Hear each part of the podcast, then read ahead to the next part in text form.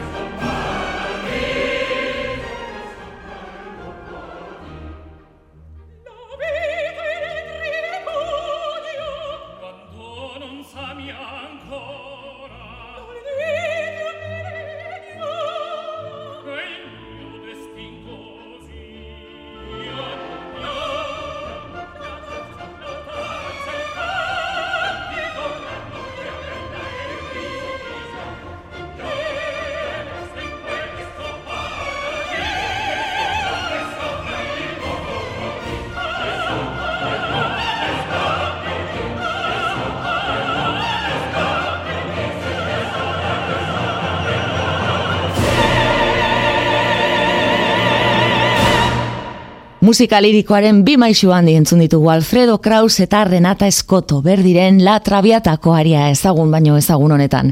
Tenore kanariarra belkanto aratz eta garbiaren eredu izan zen, hogei garren mendeko bigarren erdialdean. Renata Escoto operaren munduan dena izan da, emezortzi urterekin, eskenategi bat lehen aldi zapaldu zuenetik, 2002an agur esan zuen erarte. La Traviatako violetaren papera egin zuen hain zuzen ere bere debutean. Eta zer esan maitasun tragedia honi buruz. Operaren historiorik unkigarrienetakoa kontatzen du Giuseppe Berdik.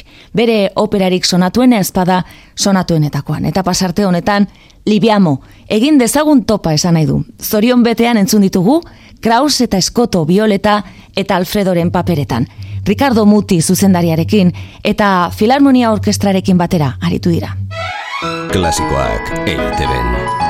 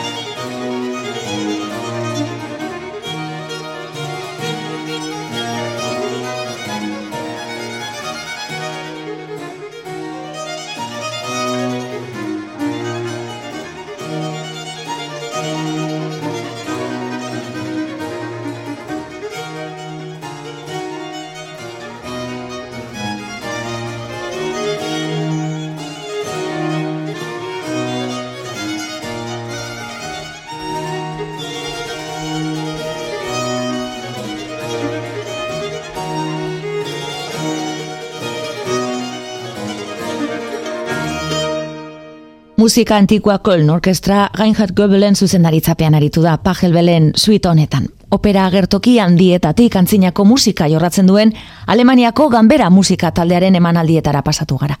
Eta pixkana talde sinfoniko erraldoietara itzuliko gara. Euskadiko orkestraren ari instrumentuen taldea hartuko dugu lendabizi eta ondoren Armeniako orkestra filarmonikoa.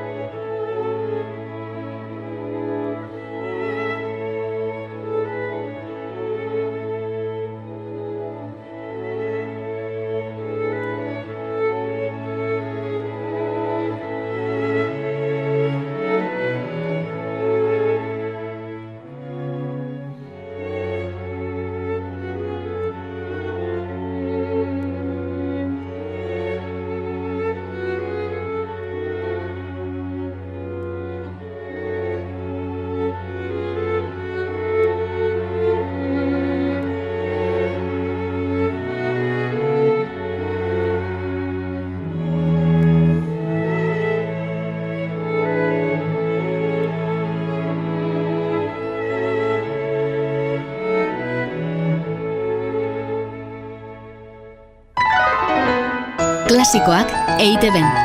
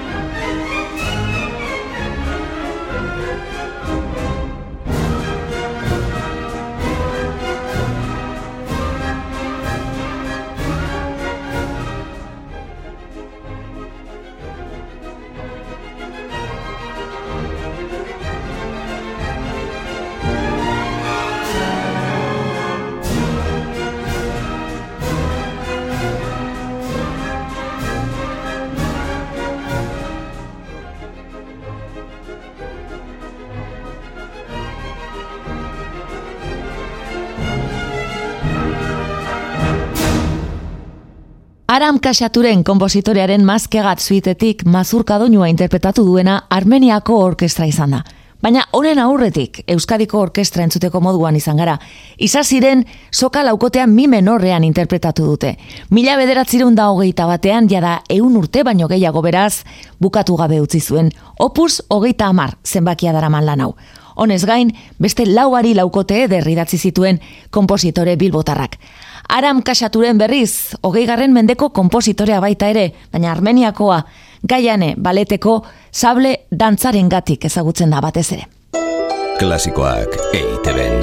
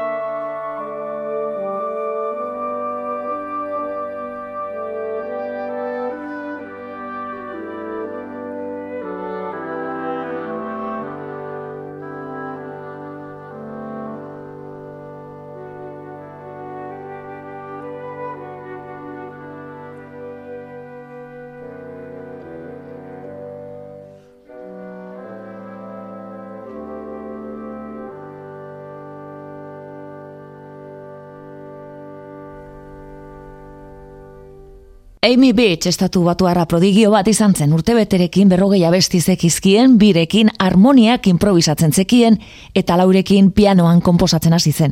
Oso gazte hasi zen baita ere publikoan jotzen eta emezortzi urterekin Bostongo Orkestra Sinfonikoarekin debutatu zuen. Ezkondu eta senarrak agerraldi publikoak burutik endu zizkion erarte. Urtean bi kontzertu baino ez zituela emango agindu arazizion eta honek bere piano karreraren amaiera ekarri zuen handik aurrera musika konposatzeari ekin zion eta pastorale honen moduko lan ederrak utzi zizkigun. Klasikoak eiteben. Musikari goiztiarekin jarraituz, Magia Luise Hinrich pianistari egingo diogu tarte, Antonio Solerren sonata bat entzungo diogu. Donostiako Eliza batean entzun omen zuen lehenengoz, apaiz eta kompositore katalanaren musika. Sonata ura bere egin nahi zuela bururatu zitzaion, eta mila bederatzirunda laurogeita emeretzian grabatu zuen Antonio Solerren beste bederatzi sonatekin batera. Egun berritzaile nagusietako aiotzen da pianista alemana.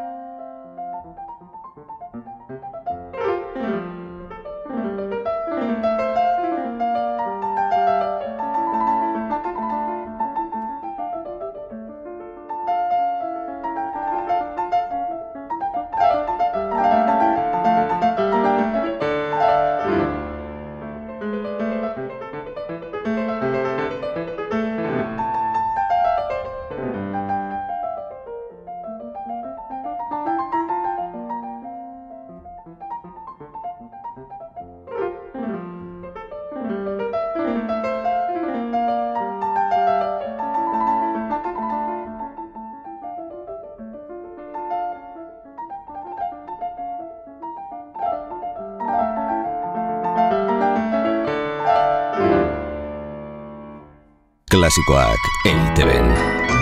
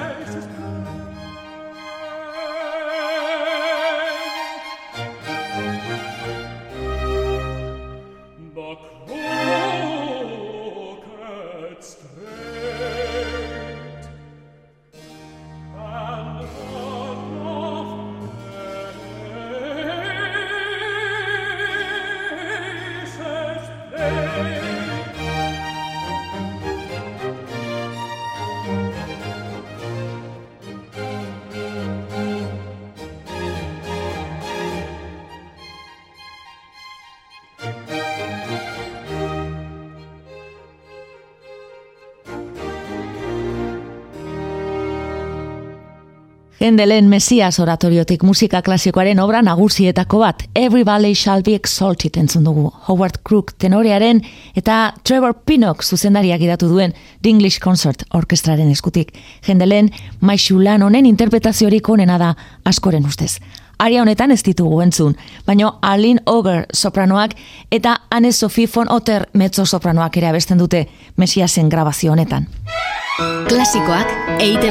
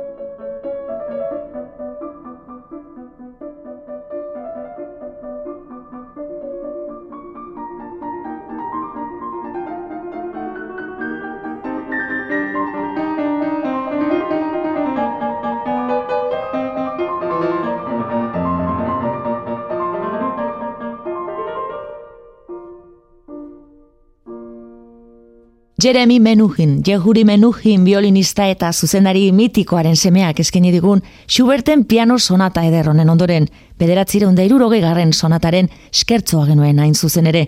Richard Straussen aria bat entzungo dugu, haotxik ederrenetako batean.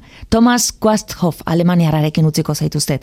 Straussen, di Schweigsame Frau, emakume isila operatik, Vision is doch die Musik.